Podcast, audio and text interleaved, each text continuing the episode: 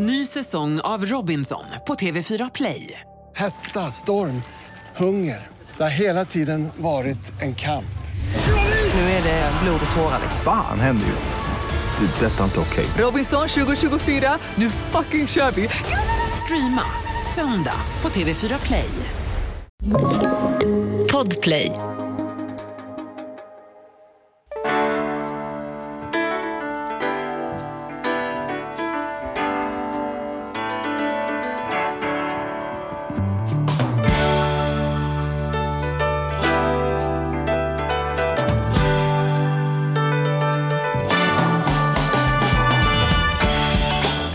Och välkomna till Ekonomi på riktigt med Charlie och Mattias. Hur är läget Mattias? Fantastiskt. Ja, du ser liksom lite glammig ut idag. Jag vet Ja, inte jag vad vet det är. inte. Nej. Jag Hur går det med ju- din mullet? Känns det att du har växt in i det? Du Ja, mulleten eh, tar sig. Alltså, jag ska fixa till det nu här eh, så att den blir lite, jag vill ha, blir lite tydligare. Jag, vill ha, jag behöver ju få ut lite mer i nacken. Ännu mer business in the front och, och sen så lite kortare upp till. Mm. Sen har några som har tyckt att jag ska liksom blanda in mulleten och göra en, en kombo av 80-talet. Det vill säga att man skulle köra en helikopterplatta högst upp. Och Ja, är sen bra. köra liksom kort på sidorna bara. Och sen mullet. Så, så Som blir det Carl Lewis möter Chris Christofferson. Ja, och som möter vad hette han då? I, i Rocky-filmerna. Ja. Svensken. Just det. Ja. Dolph Lundgrens. Dolph Lundgrens helikopterplatta. Ryssen. Men ja. det kanske får vara någon måtta på eländet. Så jag tror jag ska hålla mig till en snygg, välfriserad mullet. Jag tycker jag har vant mig. Jag var Ja. lite taskig i början men nu, nu, här, nu känns det ändå som att det är du som kommer. Ja, det var ju när vi skulle åka till Italien. Mm. Jag, vi gjorde den här podden från Toscana. Då hade jag ju nyklippt mullet. Du, du, du såg lite konfunderad ut. Mm. Ja, men jag sneglade såg- lite på din fru och sa, hur känns det här då? liksom, hur går det hemma? Ja, jo då. Ja. Ja. vad fan. Man får Jo. vara glad så länge man, så man har hår och kunna göra en mullet. Men du, apropå en retotripp tillbaka till, kanske inte 80-talet riktigt då, men du får åka med på den här resan. Mm. Jag har ju ett jubileum i år som jag hade helt glömt bort men blev uppmärksammad på. Det var ju 30 år sedan. du fyller inte 60 än? Nej, nej, nej. Vad fan, håll nej. Nej. Nej. Men det är 30 år sedan jag tog studenten. Aha. Så häromdagen var jag inbjuden på Kungsholmens gymnasiums alla avgångselever från det året. Hade liksom en fest på eh, stamstället som var på den tiden. Liksom. Då träffar du kanske en kompis till mig. Jaha, vem då? En lärare som hette Fredrik. Nej, Nej. jag Jag, trodde det mest- var det du skulle komma till. Nej, men jag hängde mest med mina gamla klasskamrater. Men, men det var ju... Vet, har du gjort så här klassåterträffsgrejen? Ja, Jag gjorde den fast väldigt tidigt inpå. Alltså för tidigt. Det, var ju när de, det finns ju någon firma som, som skor sig på det där och gjorde Mm. de här klassfesterna. Och vi gjorde den lite för tidigt. Det hade liksom gått för, för kort tid tyckte jag. Vadå, tre veckor? Tio år? Nej, men det var väl tio år kanske. Åtta Ja, år eller okej. tio år och sånt där. Och jag hade nog kunnat tänka mig att göra det nu. Men ja, det, det, det, är, något, det är något speciellt med de där klass 80-träffarna. Jag var nervös Det finns något obehagligt med Ja, jag var nervös innan. Jag, Mm. Du vet hur jag är. Jag är ganska relaxad, träffar folk till höger och vänster. Det här var ändå människor som... Men det var... Ja, fan, jag fick sitta och samla lite mod till mig en stund på stadsbiblioteket, förhandla med mig själv. Jag behöver inte... Jag, alltså, jag kan ändra till kanske på Facebook. Och så, så här, nej, men det är klart jag ska göra det. Men det var intressant hur, att hur notera. var att det då? fanns Var, var det, det kommer en Lyxfällan Charlie! Nej, det Nej. var nog ganska lugnt. Jag tror ju faktiskt att, att det var ganska få, förutom mina närmsta klasskamrater, och de, de eh, ropade väl Lycksele något artigare genom att ställa lite frågor och sådana saker.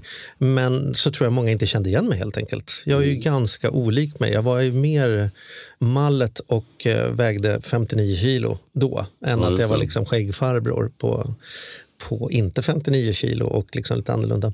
Men det var ju också som att det var en vattendelare. Det fanns vissa som kom fram och sa hej. Och du vet, jag, kunde stirra på dem hur länge som helst. Och bara så här, nej, jag har alltså, aldrig sett dig tidigare någonsin. Fick Det tror inte jag skicka hända runt. Jag, jag är säker på att jag skulle känna igen varenda. Jag skulle känna igen Ja, varenda. ja, jag kan säga, Johanna, vi gick i samma klass. Bara, jag minns inte att det fanns någon. Och så tar jag fram och pekar, här står jag ju. Se Men vadå, du kände inte igen mig? Men det var inte det så här, inte, ska inte vara lite, du, du försökte inte vara lite för mer genom att säga, nej men dig känner jag inte igen. Nej, jag hade önskat att jag Du är kunde ju säga. inte sån. Nej, jag nej men, och, och vissa var det som att så här, ja, dig frös de ju tydligen ner dagen efter skolavslutningen och Tina upp i morse. Det ser exakt likadana ut. Så så här, Ingen tvekan. Ja, jag Så tror det jag skulle känna igen allihop faktiskt. Ja, mm. Men det har jag ju inte provat så det är Nej. lätt att säga nu. Men, ja. Ja, nej, men så, det, Ja, jag, vad jag, fick, jag fick mer smak. Så nu har jag bjudit in det som var mitt järngäng från, jag tog, för det var inte mina klasskamrater om jag ska vara eller som jag hängde mest med. Men det var ganska mycket tjejer och tjejer är jävligt besvärligt att hitta 30 år senare för de har ju allihopa, nästan utan undantag i det här fallet, bytt efternamn. Just det. Anna någonting Ja. som bodde i Stusta för 30 år sedan. Är inte Ja, skit, den är inte det är inte skitlätt. skitlätt. Liksom, Nej. så att det är ganska Men nu, nu ska ni ha en återträff efter återträffen. Ja, nu tänker jag bjuda hem mina närmsta sju på middag. Liksom, Mm. Som det begav sig. Men nu, nu idag kan jag fira att jag har fått tag på liksom, någon tråd som kan leda till alla. Men jag har fått skicka många konstnärer så här. Hej Tobias, jag tror att du kanske är gift med en kvinna som kanske hette det här tidigare. Och i sådana fall är hon kompis med mig. Ja, det ska bli spännande att se hur den, den dejten kommer gå. Mm. Ja. Det kanske blir jättekonstigt eller hur trevligt som helst. Vi får se. Det återstår att se. Det återstår att se. Men du, hur trevligt som helst det är ju då temat på det här. För vi hade ju våran gäst med oss tidigare. Mm. Och vi pratade då Ryssland. Och sen har denna eminenta journalist. Det var både spännande och lite liksom- läskigt avsnitt. Ja, det var det. Och sen Mm. så sa vi att vi, det här måste vi följa upp. Eh, Patrik är ju en klippa av rang. Mm. Så vi kände att kan vi få tillbaka Patrik? Och han ville det, vilket är en stor ära för oss. Och då skulle vi gå in och prata lite mer om Kina. För det är ju Fan, jag har så svårt att ha åsikter om Kina. Eller jag har en åsikt, men jag, jag, kan liksom inte, jag kan för lite för att egentligen ha det känner jag. Alltså, jag vet att de, jag har hört att de äger halva Afrika och jag har, tycker att de är diktatorer och, och man blir förbannad när man hör hur de behandlar vissa och sådär. Så att, Min personligt, jag håller med dig. Mm. Det här vill jag verkligen veta mer om.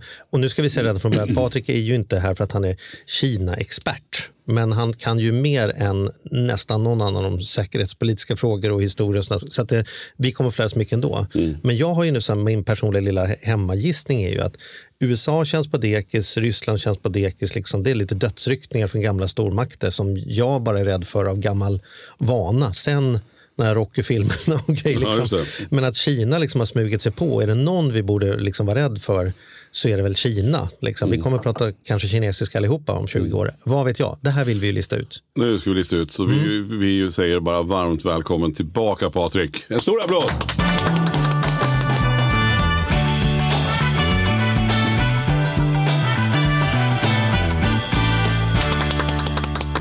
Tackar, tackar. Och det här blir ju då en återträff, apropå ert Ja. återträffstema. Ja. Men jag känner igen dig. Du kan vara lugn. Och vad skönt. Ja, jag känner igen dig också. Ja. Ja. Men du, eh, första frågan direkt. Pang på. Har du TikTok?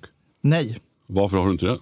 därför att det är helt onödigt att ha på sig en kinesisk eh, påverkansspionapp som ytterst kontrolleras av det kinesiska kommunistpartiet. Och det, är, väl- det, här sa du med ord och det här var med eftertryck. Här satte du ner foten. Det är, inget, det, det är inte om TikTok är, utan du menar att det är Ja, tittar, kontrollerat. ti- tittar vi på hur, hur eh, TikTok är organiserat då, och dess moderbolag ByteDance så ger det gärna sken av att det är ett, eh, ett vanligt bolag med investerare och så vidare. Det här kan du höra TikTok själva säga. Ja, han är rätt charmig den där unga vdn. Liksom. Ja, och han började sin, sin bana som lite grann som yttrandefrihetskämpe och så vidare. Men över en natt så förändrades det och han föll i så att säga kommunistpartiets linje. Och det var ju då bland annat då de, de kinesiska säkerhetslagarna som, som slog till då. Att man införde dem och det tvingar alla kinesiska medborgare och kinesiska företag att utföra de tjänster som, som eh, då de här säkerhetstjänsterna och underrättelsetjänsterna vill att man ska göra. Men, men var det smart av, av, för att han är ju, som, vad är han heter nu? Jag, kan, jag har tappat namnet Ja, på du, jag tappar namn Ja, vad också. skönt, då har vi tappat. Men vi pratar om TikToks vd som en Ja, TikToks grundare. Ja, grundare. Precis. V- VD, de har bytt vd, Mm. eh, så att, eh, det här är TikToks grundare vi pratar om. Ja, just det.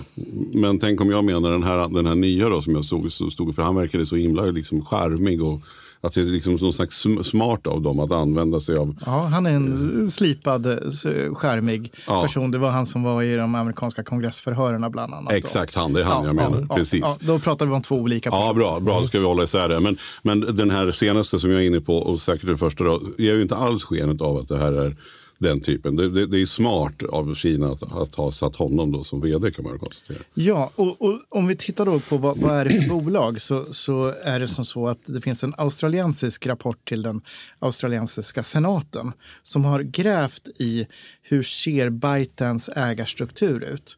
Och när de har liksom grävt i det här, då landar de i slutsatsen att beskriva det här som ett, ett hybridföretag. Ett hybridföretag mellan den kinesiska staten och privat investerarkapital. Därför att kommunistpartiet har det inflytandet över företaget ytterst. Ja. Så att därför så blir jag liksom väldigt tydlig när jag säger att ja, men så här måste vi nog se på verkligheten. Men Att vad är skillnaden om vi tänker så här, om vi jämför med Meta-bolagen då, Facebook, Instagram och så vidare. Vad inte det gör också en det? spionapp för amerikanska? Jo, men jag vill bara, bara säga, vad gör det för... Jag tänker så här att eh, jag upplever ju definitivt, om jag sitter och pratar, det här är vi, nu har man snackat om det här i flera år, men att Ja, du sitter du och jag och pratar om ett visst bilmärke eller en soffa Mm. eller någonting så kommer det ju snart upp i mitt flöde och sådär. Jag, jag känner ju att jag är, att de ser mig. Och om jag då har TikTok så tänker jag, vad gör det, varför är det värre att Kina ser mig då? För att jag ägnar mig ju inte åt någon kriminell verksamhet, jag är liksom är på landet och jag Alltså förstår du frågan? Så här? Va- va- Mm, jag förstår va- varför frågan. skulle det vara värre? För jag håller inte på med något skumt själv, vad jag vet. Och gör du det så gör du det inte på TikTok i alla fall. Nej, det tänker jag väl att jag inte gör. Men jag Mm. kanske ska ändå säga att telefonen kanske kan ändå, appen skulle ju kunna gå in och sno information. Men, men gör inte alla appar? Vad är skillnaden, tänker du då, mellan Facebook och, och TikTok? Ja, det här kan man svara på på två sätt. Eh, det första sättet och det mest grundläggande det är ju då att Meta de är ett amerikanskt bolag. USA har alla de brister vi ser att USA ändå har, men det är ändå en demokrati. Det är rule of law, det finns accountability, det finns checks and balances in the system. Eh, det är inte Kina. Kina är en enpartistat, en väldigt auktoritär enpartistat som har blivit mer aggressivt auktoritärt både internt mot den egna befolkningen och mot omvärlden. Så det, det är den första grundläggande saken. Det, det vill säga att det som händer i Kina det kan du inte liksom ifrågasätta som du kan det. göra i en, i en demokrati. Den andra delen det handlar ju då om, om, om vi tar utifrån svenska intressen så är Kina en av de tre länder som Säkerhetspolisen pekar ut som säkerhetshotande mot Sverige och svenska intressen. Och det är ju Ryssland, det är Kina och Iran. Och du undrar vad är det för problem då att du använder TikTok, du, du springer inte omkring med hemligheter eller så vidare. Ja, då är det två problem. Det ena problemet är att Kina samlar på sig en enorm datamängd om hur du och alla andra svenskar tänker, tycker, beter sig och, och vad, vad ni går igång på. Inte vi, eftersom jag inte har TikTok då förstås. eh, och den andra biten är då den möjligheten som finns att använda det här med algoritmerna för att påverka din uppfattning om världen. Och i den här australiensiska senatsrapporten bland annat då, så, så pekar man på de indicier som finns då att, att TikTok så att säga, trycker ner material som är kritiskt mot, mot Kina till exempel. Här skulle Kina kunna gå in och, och, och ha en mer aggressiv påverkan. Sen ska vi komma ihåg att TikTok inte finns i Kina. Inte som TikTok, utan då är det ett annat innehåll. Appen heter någonting annat och dessutom så får inte barn använda den mer än ett par timmar åt gången och så är den stängd nattetid. Medan vi matas med det här med kattvideor och, och utmaningar och så vidare och så vidare. Och eh, så ökar den psykiska ohälsan också. Eh, Och vi lägger inte tid och fokus på, på algebra och eh, andra nyttigheter. Medan de kinesiska ungdomarna drillas då i, i det andra. Det, det kanske låter lite Ja, men raljant. jag, men- ja, ja, men jag, du, du övertygar mig. Men det är ju svårt att veta var man ska stå i den här frågan. För antingen blir man ju jätteparanoid och tänker att det sitter 10 000 kineser och försöker fördumma oss andra så att om två generationer kommer de kunna ta över alltihopa. Du, Eller lugnt, så, det sitter inte 10 000 kineser. Om det gör det nu så är det nog, de nog fler. Men AI löser det där sen. ja, ja, du ser. Men, men, men liksom, antingen får man gå åt det hållet och då blir man ju helt paranoid.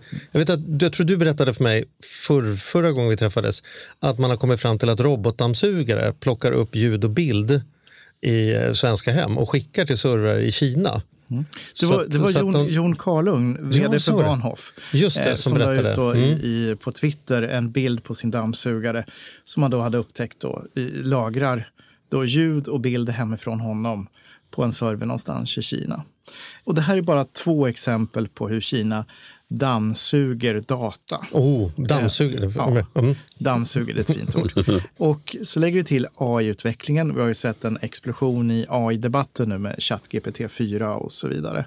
Och vad man då kan göra om man har en massa data och kan liksom använda AI för att extrahera kunskap eller påverkan. Det är ju tre sekunder som behövs av din röst för att man ska kunna låta dig läsa en ljudbok med hjälp av AI. Och tre sekunder av din röst, den törs jag nog finnas, finns ute på nätet. Nej, I mitt fall är det ju fakt sedan länge. Ja, men med den tekniken, så, så och det här också används i bedrägerifall, då, så kan, kan telefonen ringa och så, så hör du din dotter som säger då att hon är kidnappad och så kommer en kidnappare och säger att skicka lösensumman hit. Det är bara det att din dotter är inte kidnappad. Det är AI. Det har hänt i ett fall i USA. Lite sidan om spår, men bara så att man förstår vad AI kan göra. Och sen den tredje ingrediensen då, det är ju att Kina har ett väldigt stort intresse för informationsinfrastruktur.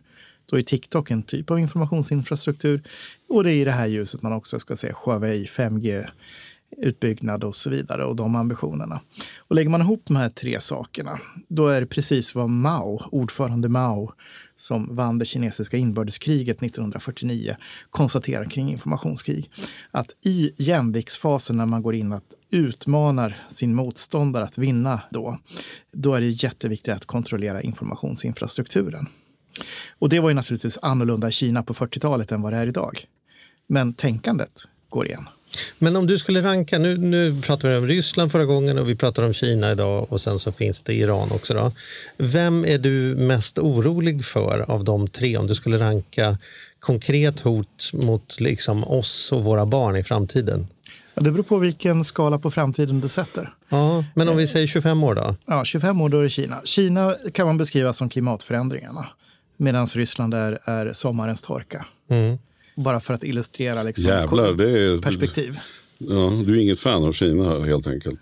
Eh, Jag har en ganska krass eh, syn på Kina och de maktambitionerna. Och det vi ska komma ihåg är att Xi Jinping när han tillträder, han eh, slår in då på en mycket mer auktoritär väg än vad hans företrädare Hu Jintao gjorde. Han, han pratar om lanserat dokument, dokument nummer nio med sju nej. Det är, liksom, det är nej till att prata om idéer som eh, demokrati, universella rättigheter som mänskliga rättigheter. Man ska inte prata om kommunistpartiets tidigare misslyckanden. Fri press absolut inte och så vidare. och Så vidare. Så det här lägger grunden och sen har vi sett då hur Kina har ja, krossat Hongkongs demokratirörelse. Mm. Och eh, Mm. det här ett land, två systemet är ju bortplockat ur, ur Hongkong. Vi har förtrycket av uigurer och vi har en allt mer hotfull, aggressiv agerande mot Taiwan. Och eh, det här är ju då liksom, varför sker det här? Ja, men Kina, Kina har ambitionen om att 2049 så ska man vara mittens rike i världen, vara den dominerande världsmakten. Och då är Taiwan en del av pusselbiten för att nå dit. Ja, det är hemskt. Det är, det är jävligt skrämmande faktiskt. Ja, det, det är För skrämmande. sammantaget, som, det är, som du säger när du drar upp de här olika nu, för man tänker alltså, var en enskild grej, men har man ju hört. Liksom. Men när man slår det samman så blir det ju oerhört stort. Och hur är det med det här som jag inledde med att säga, Afrika, de, de har väl lånat ut hur mycket pengar som helst och Ja, är äger som- väl typ halva Afrika. De har köpt, Kina har köpt världen snarare än att annektera den på något sätt, eller? Ja, jo, men eh, det finns ju en, ett citat som tillskrivs Lenin och det är ju då att eh, kapitalisterna kommer att sälja oss repet som vi hänger dem i. Mm. Medan jag skulle beskriva då vad, vad Xi Jinping står för. Han har nu inte sagt det här, men, men bara för, som liknelse. Xi Jinping vill att vi ska köpa Kinas rep som Kina kommer att hänga oss i. Mm. Bara för att liksom ta den jämförelsen. Kina har haft en fantastisk ekonomisk utveckling och det är, är, ja, det är väl en 6, 7, 800 miljoner kineser som har lyfts ur fattigdom. Det är en fantastisk resa de har gjort. Sen de öppnade upp 1978 så, så ligger den genomsnittliga tillväxten på 9 procent. Och idag så står Kina för ungefär en femtedel av världens produktionskapacitet. Vad har varit framgångsfaktorn? Vad, vad är det Kina har gjort som gör att de har vuxit så enormt? Kina, Kina har då kombinerat då, dels att man har, har då omfamnat marknadsekonomin, men då med en statlig twist och kontroll. Den kontrollen sker ju en skarpare kontroll nu. Och sen så har man då haft en, en stor befolkning. Och det har gjort att man har blivit en motor. Man har varit skickliga också på att eh, bli så att säga världens fabrik genom Mm. att man har låga produktionskostnader, låga lönekostnader. Och så har man gjort en aggressiv utbyggnad då av, av bostäder, infrastruktur och så vidare. Nu står man ju inför en bostadsbubbla, en fastighetsbubbla som kan bli väldigt problematisk. Och till det här då så har man också storskaligt blivit oerhört duktiga på att stjäla immaterialrätter. Det vill säga att man stjäl det som andra är bra på. Och man har också då ställt som krav på att om, om andra ska investera hos Kina, att Kina ska få tillgång till tekniken och, och sådär. Så att man har blivit väldigt duktiga på att kopiera. Och nu satsar man själva på att kunna utveckla saker. Och, och det är det här då prognoserna står och, och väger lite grann där man för 10-12 år sedan trodde att Kina skulle växa mycket snabbare och mycket starkare än vad de senaste prognoserna är. Så nu, är- nu är så att säga, juryn är ute för att överlägga och se vad händer här. Men för tio år sedan så var man övertygad om Goldman Sachs till exempel, den här fina stora byrån, de gjorde, eller banken då, de gjorde en prognos som sa då att eh, 2026 skulle Kina gå med USA. Och i mitten av århundradet så skulle då Kinas ekonomi vara runt 50 procent större. Det där reviderade de till eh, här i fjol. Och då sa de att Kina kommer ikapp 2032, men blir inte mer än 15 procent större. Sen finns det andra prognosmakare som säger ja, men 2032 kommer man bara nå 90 procent, men man kommer inte komma om USA. Så att vi står i den osäkerheten. Så här börjar det bli riktigt farligt och spännande. Men, och, och vi vet ju heller inte vad siffrorna från Kina riktigt är värda. Så att jag, menar, men jag har ju bedömningar utifrån någonting man får titta på lite från, på håll. Det kanske är att det, de på många sätt är större än vad vi redan vet och att det är en de- del av strategin. Liksom. Det, Eller- man blir lätt nojig. Liksom. Eller att man eh, sminkar grisen. Sminka grisen. Ja. För att det som också har hänt nu på sista tiden, det är ju då att vi ser ett, ett tillslag från kinesiska myndigheter mot oberoende economy intelligence-verksamheter i Kina från, från västvärlden. Så att man krymper möjligheten att göra en bedömning av den kinesiska ekonomin. Också ett tecken då på, på repression. Och det här Mattias sa om, om Afrika, att de har köpt upp halva Afrika. Liksom, finns det någon grund för det påståendet? Eller? Det svänger man sig ofta med det där. Jag, jag, hamnar. jag, jag törs inte säga halva Afrika, men, men om jag tar det som en omskrivning att Kina investerar och skaffar sig stort inflytande i delar av Afrika, absolut. Det kinesiska erbjudandet är ju oftast väldigt tilltalande för diktatorer. Här kommer vi från väst. Vi är forna kolonialmakter, ja, inte Sverige i någon större utsträckning. Men, men, och, och sen så har vi mage att läxa upp med pekpinnar om mänskliga rättigheter och, och antikorruption och så vidare. och så vidare. Det där struntar ju Kina i. Den här podden gör vi även den här veckan i samarbete med Saveland. Fan vad kul det är att ha dem med ombord. Mm, jätte, jätteroligt. Ja, vi brukar prata om att man har något band som man såg jag stod Bo Kaspers jädrigt tidigt liksom, innan man gjort tv-debut. Och du har något hårdrocksband som du var jävligt tidig på. Ja, alltså jag var på, på Lilla Teatern Göta Lejon och såg Metallica Ja. 1984. Så gammal är jag. Och jag var i kontakt med Saveland när det fortfarande var typ tre, fyra personer där från början. När jag fick möjlighet att träffa dem. Eh, och nu är de ett stort bolag, fyller tio år, finns på börsen och jobbar helt enkelt med att vanliga privatpersoner och företag kan investera pengar eh, i eh, lån och krediter. Så man får riktigt bra ränta. Så eh, det rullar på efter tio år, bättre än någonsin. Fantastiskt kul att ha dem med här i podden. Gå in, testa, kolla. Vi har en kod som gör att om du öppnar ett konto och använder på riktigt får du dessutom en insättningsbonus just nu. Precis, och vill man veta mer så som sagt gå in på saveland.se. Man kan också lyssna på Ludvig som har varit gäst i vår podd två gånger. Får Ja. man en ännu bättre inblick i Ja. vad, vad det är de pysslar med egentligen. Men eh, ja, saveland.se och stort tack. Ny säsong av Robinson på TV4 Play. Hetta, storm, hunger. Det har hela tiden varit en kamp. Nu är det blod och tårar. liksom. Fan händer just nu. Det. är Detta är inte okej. Robinson 2024, nu fucking kör vi! Streama söndag på TV4 Play. Ett poddtips från Podplay. I fallen jag aldrig glömmer djupdyker Hasse Aro i arbetet bakom några av Sveriges mest uppseendeväckande brottsutredningar. Går vi in med hemlig telefonavlyssning och, och då upplever vi att vi får en total förändring av hans beteende. Vad är det som händer nu? Vem är det som läcker? Och så säger han att jag är kriminell, jag har varit kriminell i hela mitt liv men att mörda ett barn, där går min gräns. Nya säsongen av Fallen jag aldrig glömmer på Podplay. Men hur är det med miljöfrågan där? För där är ju också, det är ju en smog. Det, går ju inte, alltså det är hela Kina, det är ju, man ser ju inte himlen där av, av miljöskäl. Och jag kan ju bli lite gubbigt att tänka ibland när jag åker snällt och stoppar in min plastpåse i en grön återvinningslåda. Så tänker jag att vad fan gör det här för skillnad om man tittar på vad Kina sprutar ur. Jag har en kompis som nyligen var i Kina som sa att det var, det, det var ju hopplöst. Dels så var det som du sa, all internet var ju bara nedstängt. Gick inte att använda appar eller sådär. Men, men också att man såg inte himlen. Och de tycks ju inte riktigt vara med. De tycker ju inte ens att de borde vara med på den här listan för att de liksom miljöpåverkan. Vad, vad har du att säga om det? Ja, men du gör en, en målande och eh, relevant beskrivning på det sättet att Kina har satsat till exempel på att bygga ut kolkraften för sitt energibehov. Någonting som, som inte rimmar med, med vad världen står inför i klimatkrisen. Så att, så att Kina är ju en, en riktig huvudverk när det gäller de facto klimatpåverkan. Samtidigt så är Kina så pass stort så att eh, vi behöver få Kina att ställa om också. Jag kan förstå din irritation med plastpåsen.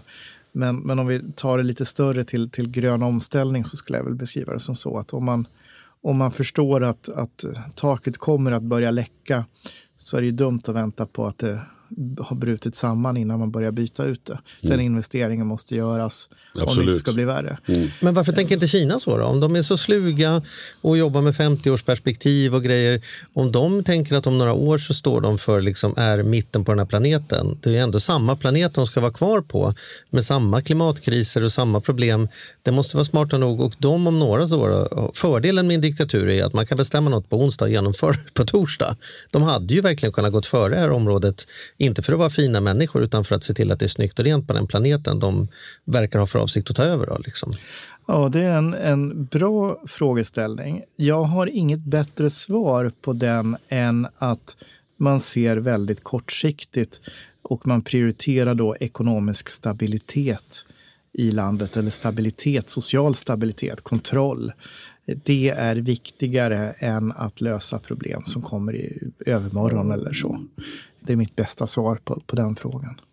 Det kanske är alltså att det gamla klassiska behovstrappan, att det kanske kommer en dag då den flyttar upp på agendan även på, hos Kina. Då. Men de är inte riktigt där ännu. De har lite andra, som det ofta är i en del länder. Man tänker det är svårt för dem att engagera sig i plastpåsefrågan om man inte vet var folk ska bo någonstans. Liksom. Det, Mm. Ja, men så, så, så är det. Ja. Och samtidigt så står vi nu inför en, en situation då, om, om de här negativa prognoserna som, som då man kan säga att vi, vi kanske når ett peak China. Det finns en bok som, som pratar om, om peak China. Då medför ju det att innan det så att säga börjar vända neråt medan man kanske fortfarande är på uppåtväg så kanske man vill göra någonting för att förändra situationen på marken. Och då är vi ju på en väldigt skör nivå i världen. Kina stöttar Ryssland i Ukraina. Man har ju haft en så kallad fredsmäklare som har rest runt i europeiska huvudstäder och sagt att ja, men Europa måste acceptera att Ryssland får behålla det man har erövrat. Så får vi fred. Så att man, man, man backar upp där. Och tänker vi oss då att Xi Jinping har det här projektet att han vill bli väldigt stor och, och lämna efter sig ett imperium precis som drivkraften hos Putin. Xi Jinping är 69. Vi tänker oss en tioårsperiod. Men om, om Kina stagnerar ekonomiskt under den här tioårsperioden samtidigt som då man, man når ungefär i nivå jämvikt ekonomiskt med, med USA. Och ska man då liksom kasta om det här, då, då kanske man väljer att, att chansa och, och då till exempel då att försöka erövra Taiwan. Xi Jinping har pratat om att de PLA, då, Folkets befrielsearmé, ska vara redo att eh, inom citationstecken återföra Taiwan till 2027, tror jag att det är militärt. behöver inte betyda att det sker ett angrepp 2027, men då ska den upprustningen av Kina vara klar för att kunna klara av det militärt. 2030 så förväntas den kinesiska flottan vara omkring 50 procent större i antal fartyg än den amerikanska. Den är redan idag större i antal fartyg. Därmed inte sagt att den är bättre och effektivare. Den är inte stridstränad som den amerikanska och så vidare. Så att vi vet ingenting om effektiviteten, men bara i antal så att säga, Det är flyttyg så är de fler. Men hur kommer övriga världen att resonera tror du? Tror du kommer världen att titta på när det där sker eller tror du att USA som har många intressen kommer att agera? Eller vad? Ja, det är ju det som är den stora så att säga, strategiska utmaningen just nu och den stora strategiska förvirringen. Vi har ju situationen i USA då de väntat presidentval 2024. Vi har ett Europa som är delat i de här frågorna. Delat mellan de länder som, som så att säga, vill gå mycket mjukare fram och, och försöka ja, omfamna en, en, en, en mellanväg och de länder som, som så att säga, sluter upp då bakom Taiwan, USA. Till den ekvationen så kommer ju nu också att länderna då som man brukar kalla i Indo-Pacific, det vill säga demokratierna i Indo-Pacific, Sydkorea, Japan, Australien, Nya Zeeland, närmar sig Nato. Och de här länderna kommer också vara med på toppmötet i Vilnius.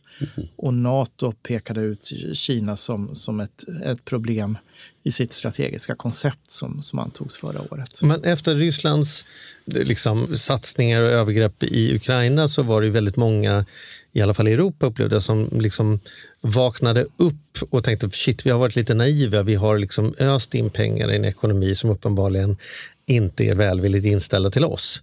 Det jag märker inte samma vindar kring Kina, att vi tänker så här, nu måste vi se till att de slutar tjäna pengar på resten av världen. Liksom. För att hade alla vänt om ryggen, då skulle det bli väldigt, väldigt mycket klurigare.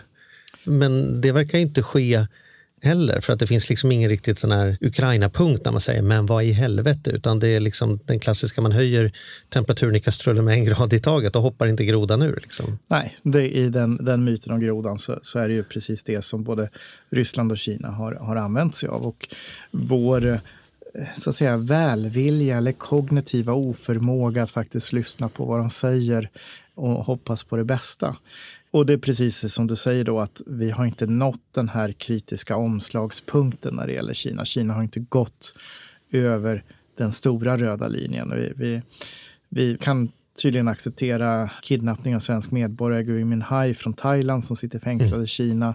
Norge gav efter för eh, utpressning. Det var Liu Xiaobo som fick eh, reservation för uttalet. Min uttal är uselt. Han fick ju då Nobels fredspris, dissident, satt fängslad i Kina 2010. Kineserna blev helt, helt förbannade på Norge.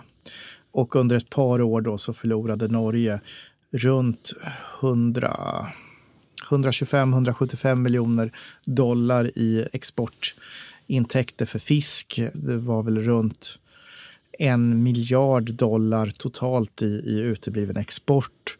Norge började anpassa sig och försökte liksom gottgöra till Kina och röstade lite mer som kineserna, enligt norska forskare, i, i FNs generalförsamling.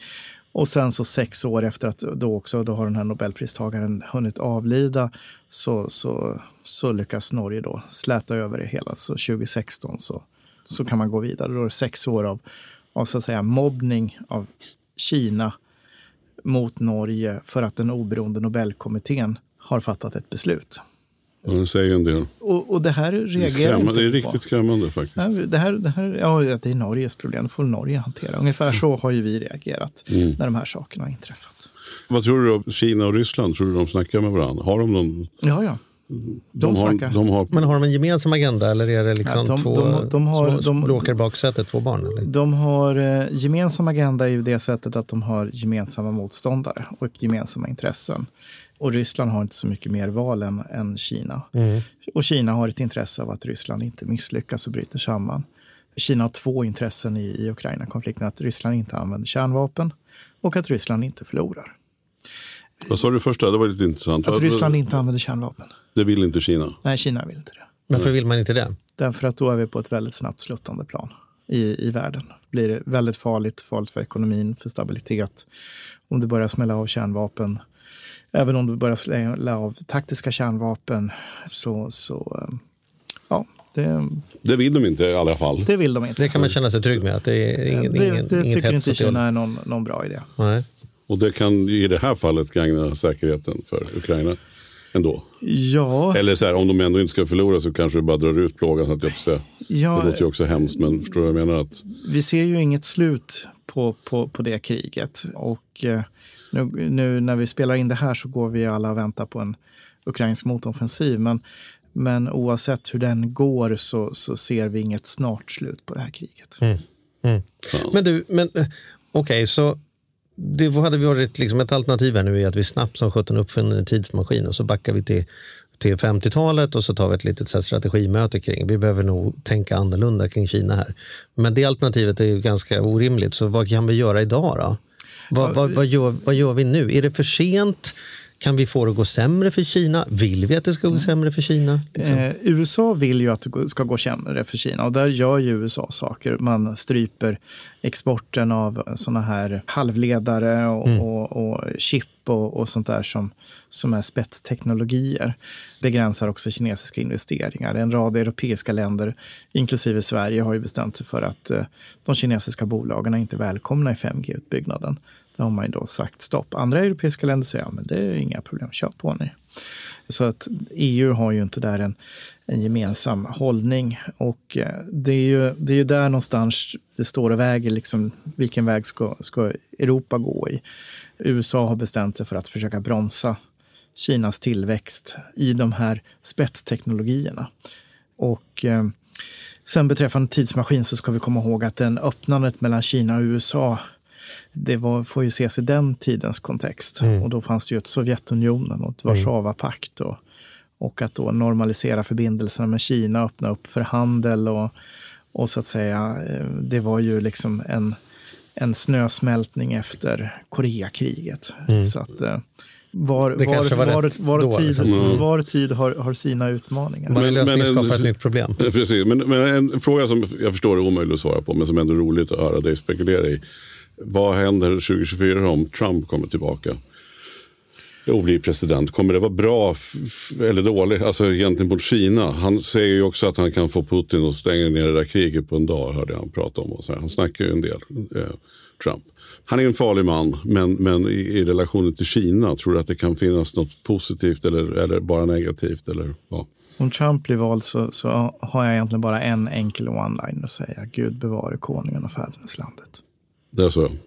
Det som Trump gör om han blir återvald är ju, om vi lyssnar på vad han säger, är ju att bryta, ja, förutom att, att USAs demokrati riskerar inte att finnas kvar efter fyra år med Trump.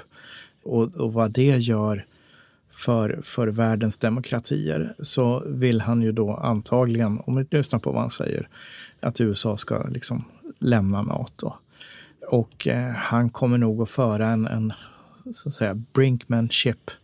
Han bullrar ju gärna, vill ha någon förhandling som man säger att han kan vara vinnare på eller någonting sånt där. Och han kommer att krama om Putin och låta Ukraina hamna under bussen om man uttrycker sig så och så vidare och så vidare. Det blir en väldigt, väldigt, väldigt farlig värld för små demokratier. Och eh, det scenariot är ju naturligtvis någonting som Ryssland hoppas på. Kina så har han ju då varit verbalt så att säga, tuff och tuff också i politik. Men vi ska komma ihåg att det finns en kontinuitet i den amerikanska politiken gentemot Kina. Det, det började inte med Trump och Biden har fortsatt på, på den linjen. Så det, det, är liksom ett amerikanskt strategiskt intresse som, mm. som lär fortsätta. Men ska vi se positivt för att det går sämre för Kina eller finns det faror med det också? Då, liksom? Nej, Som vi sa, varje lösning skapar ett nytt problem. Varje lösning skapar ett nytt problem och, och om det går sämre för Kina då, då, ökar ju då risken för att Xi Jinping kanske vill sätta sina, alla sina marker på rött och rulla roulettkulan. Om, om seger inte liksom med ekonomiska termer och så vidare som de här prognoserna för tio år sedan inte kommer att infinna sig så kanske man måste åstadkomma den här hegemonin på ett annat sätt. Och då, då kanske man tycker att nu är ett läge och jag kommer inte få ett bättre läge, så nu kör vi den här chansningen. Och det är lite grann det som jag eh, brukar, brukar liksom beskriva som Pearl Harbor moment in Tokyo 1941. När den japanska ledningen förstår att vi har inte ekonomiska resurser att med de sanktioner som det är mot olja. Så att bedriva det här kriget i, i Kina eller bedriva en offensiv mot, mot västmakterna, eller USA och, och andra då i Stilla havsområdet. Om vi låter det här gå ytterligare en, en tidsperiod. För då kommer oljan att ta slut. Så ska vi göra någonting så ska vi göra det nu. Och då bombade man Pearl Harbor 6 december 1941. Och det gick ju sådär? Det gick ju sådär. Det var ju liksom början på slutet. För... För, för det japanska Ja. eh, imperiet, Ja. absolut. Ja. Men, men Japan idag blev ju rätt bra. Mm. Mm, faktiskt. Så, att, eh, så historien tar inte slut, den är inte given. Och eh, det är väl Mark Twain som säger att historien upprepar sig inte, men den, den rimmar. Men vi måste ju då på tal om att läcka, täcka läckan ändå. Vi, vi ska väl...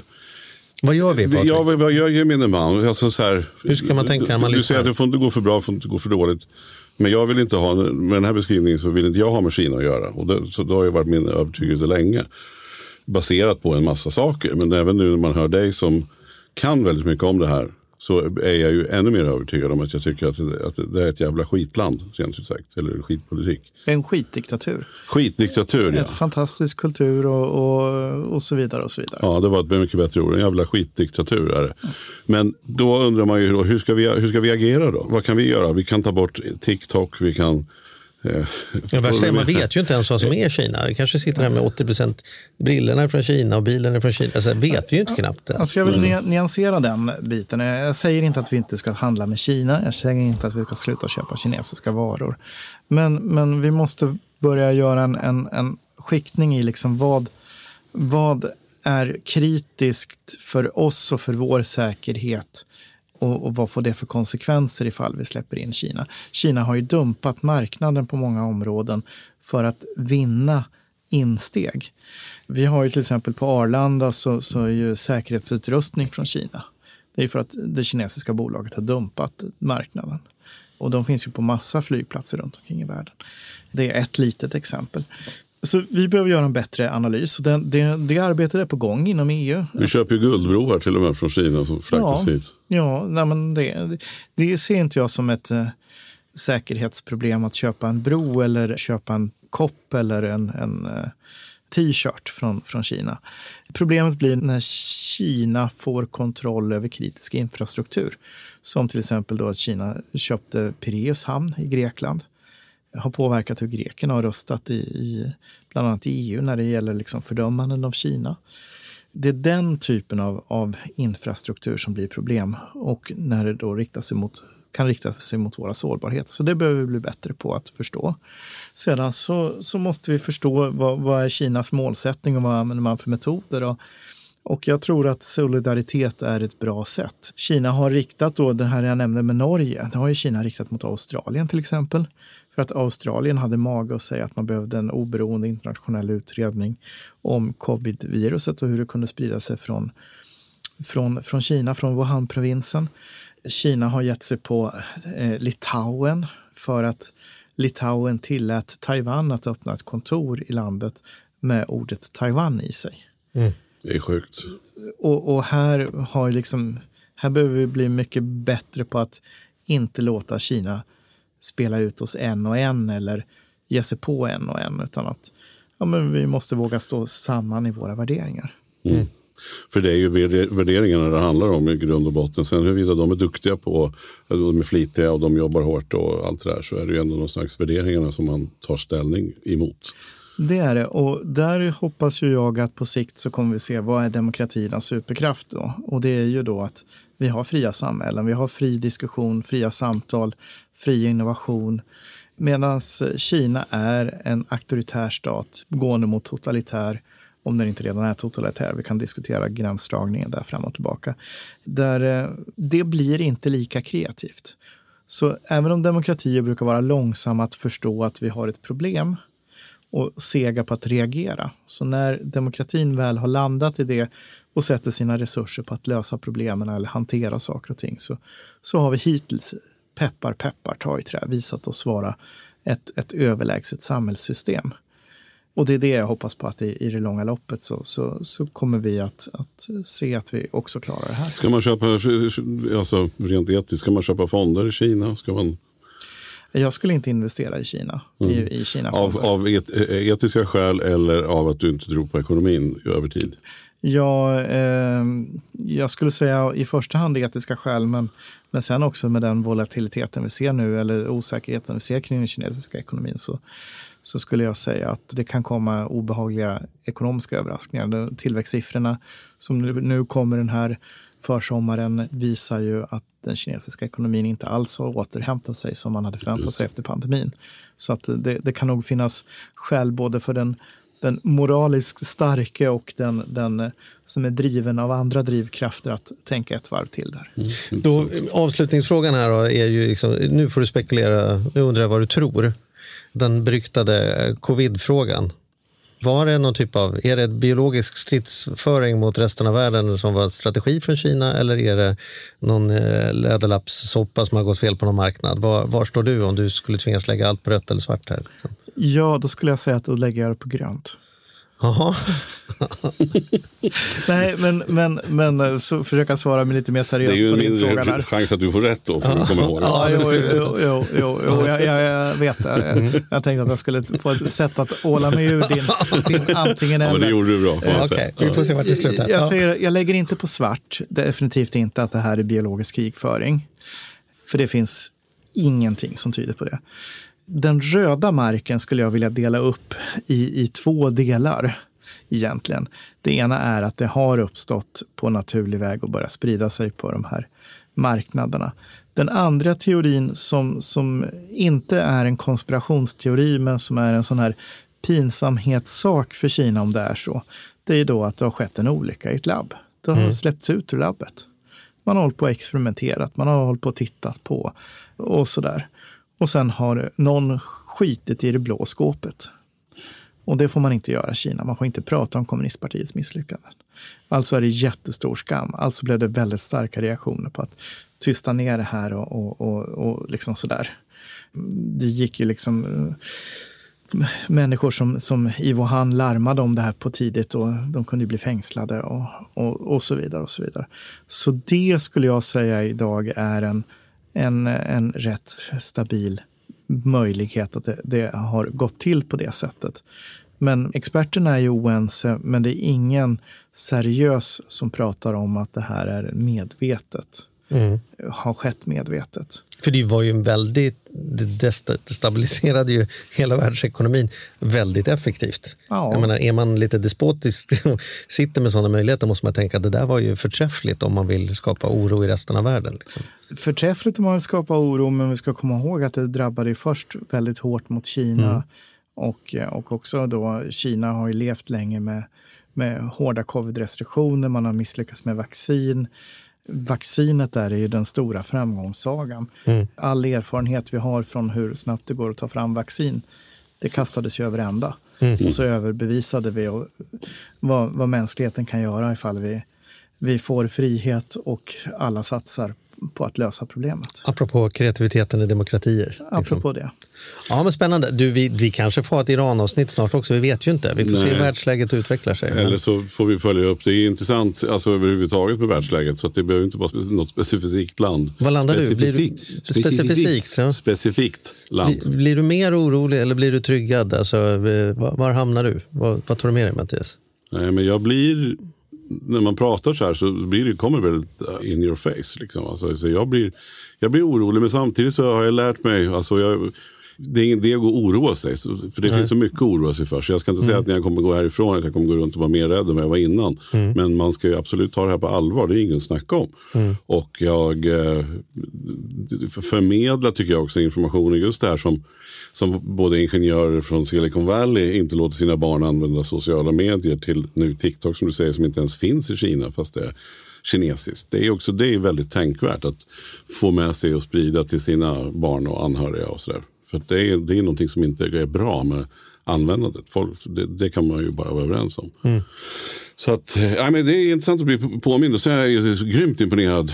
Alltså, du är så satans jädra påläst. Hur, hur kan man kunna så mycket? Eller så har han hittat på allting idag. Du har ju ingen aning. Det Ja, men, jag kan ju säga, nej, men jag vet ju, nej, men hur, kan man, hur har du koll själv? För det är en sak att man är utbildad, och man, har- men du måste ju du måste ju ta in, inte TikTok då, men du måste läsa väldigt mycket nyheter. Du måste sitta mycket vid skärmen, även du, fast Ja. med annat innehåll. Ja, men det är klart att jag läser mycket. Men jag har också privilegiet att jag pratar med människor som är smartare än vad jag är. Och det och skulle jag vilja göra någon gång. mer Det hade än vad jag göra någon kan. och så lär jag mig av dem. Och, eh, Ja. och därigenom naturligtvis också, helheten är ju bara jag skyldig till. Men, men, men eh, jag eh, är stort tack skyldiga alla människor som jag har pratat med de senaste åtta, nio åren om, om säkerhetsläget och vart vi är på väg och så vidare. och så vidare. Nej, men det är precis som vi känner, fast då på en annan, på en, inom andra ämnen kanske och en annan nivå. Men det är också skälet till varför vi gör vår podd. Det är ju att vi själva får ynnesten att träffa sådana som dig och andra våra gäster som man får lära sig att hänga på eh, saker. Ibland kan det vara lite, det var, så, det var lite jobbigt för mig, när vi, för ibland så bandar vi avsnitt. De ligger inte alltid i en och samma ja, men vi kan spela in ett eller två eller tre så har man bunkrat ifall någon, man blir sjuk eller sådär. Ja, man vill inte ligga på samma vecka. Nej, nej precis. Och då kan jag berätta för lyssnarna att det som var väldigt jobbigt för mig det var när vi, hade, när vi, när vi pratade om ChatGPT. Vi hade ett AI-avsnitt. Ja, för ganska länge sedan. Ja, och det, vi har aldrig haft så lång framförhållning till att någonting släpps. Så när, när han pratade om ChatGPT som sen, ja, några veckor senare så, så stod det överallt. Alltså, då hade man nästan varit så här, lite dumförklarad om man inte visste vad det var. Och det, det hade jag ju inte då, för det hade inte hänt än. Så när det släpptes så jag sitter bara, vi ju "Nähä, som så vad är det aldrig där?" hört talas om. det var lite jobbigt med att ha det var- bra, ibland får man ta bra Det var sju kritiska veckor där, där det hade Ja. hänt väldigt mycket Exakt. i, i folk eh, Så, att, eh, så det har vi lärt oss av, att vi försöker ligga mer aktuellt och det gör vi ju nu. Nej men verkligen, men eh, återigen då, ett superstort tack. Hoppas att du vill komma tillbaka. För oss är det fantastiskt och för, även för våra lyssnare. Och jag har roligt när jag snackar med er, så jag kommer gärna tillbaka. Ja, vad härligt. Ja, tack. tack så mycket Patrik. Tackar. Tack.